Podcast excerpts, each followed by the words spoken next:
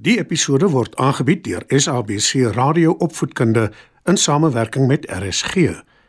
SABC Opvoedkunde, Enriching Minds, Enriching Lives. Opskud. Skryf nader en kom luister en leer saam.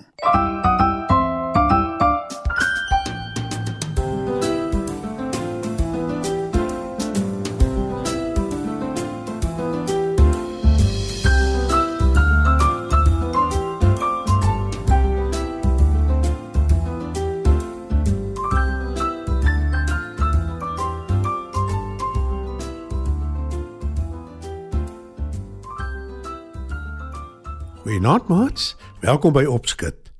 Ons storie vanaand is Die jakkals en die arend. Skuif gerus nader en luister saam.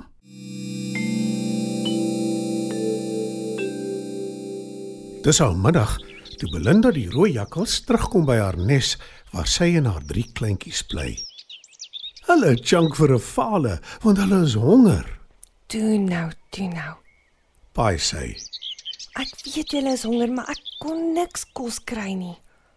Ek het 'n haas gejaag om te vang, maar hy was te vinnig vir my.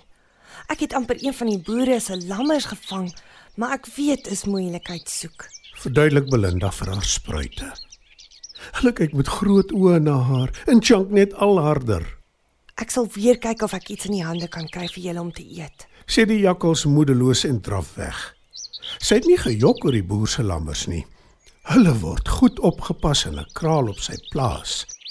Belinda en haar kleintjies bly ook op die plaas, maar ver van die opstal en die kleinvee se kraal en die hoenderhokke af. Sy weet, as sy eers begin hoenders en lammers vang, is dit klaar praat. Die boer sal geen genade met haar hê nie. Maar sy moet vir haar kinders kos vat, so hoe nou gemaak? Net toe hoor sy 'n geroep. Sy kyk rond en bo 'n boom sien sy 'n arend wat op haar nes sit. En Belinda sê: Hoe kan ek van haar eiers in die hande kry? My kinders kan smil daaraan. Sy dink en sy dink en toe skielik sê sy opgewonde. Ek dink ek het 'n plan. Sy tel 'n stuk hout op en kap daarmee teen die stam van die boom. Sy het gesien dis hol binne en sy vat dit as 'n kans.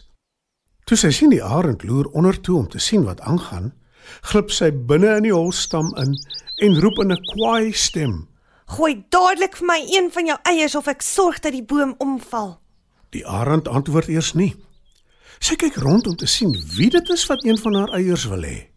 Toe sê sy: Wie is jy? En hoekom wil jy een van my eiers hê? Dit maak nie saak nie. Gooi net die eier af onder toe. "Antwoord die jakkals," Maar dit sal breek. Sê die arend. Moenie jy jou daaroor bekommer nie. Ek sal dit vang. Ek tel tot 3. Antwoord die jakkals. En sy begin tel. 1 2 3 Die arend gooi onwillig een van haar eiers af onder toe en Belinda vang dit. Die arend sien dis 'n rooi jakkals wat haar so treiter en sy is woedend. Sy vlieg af onder toe terwyl sy roep. Durf jy jou skelm jakkals? Die arend gryp die jakkals in haar skerp kloue en sê: Sit dadelik my eier neer. Belinda skrik groot. Sy het dit nie verwag nie. Toe probeer sy verduidelik. Ek moet my kinders voer. Hulle is honger en ek kry nêrens kos vir hulle nie.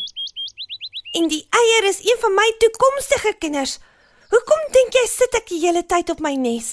Ek broei my kleintjies uit. sê die arend. Nou voel die jakkals sleg en sy sê: Ek is jammer. Sal jy my asseblief loslaat? Dan vergeet ons van alles.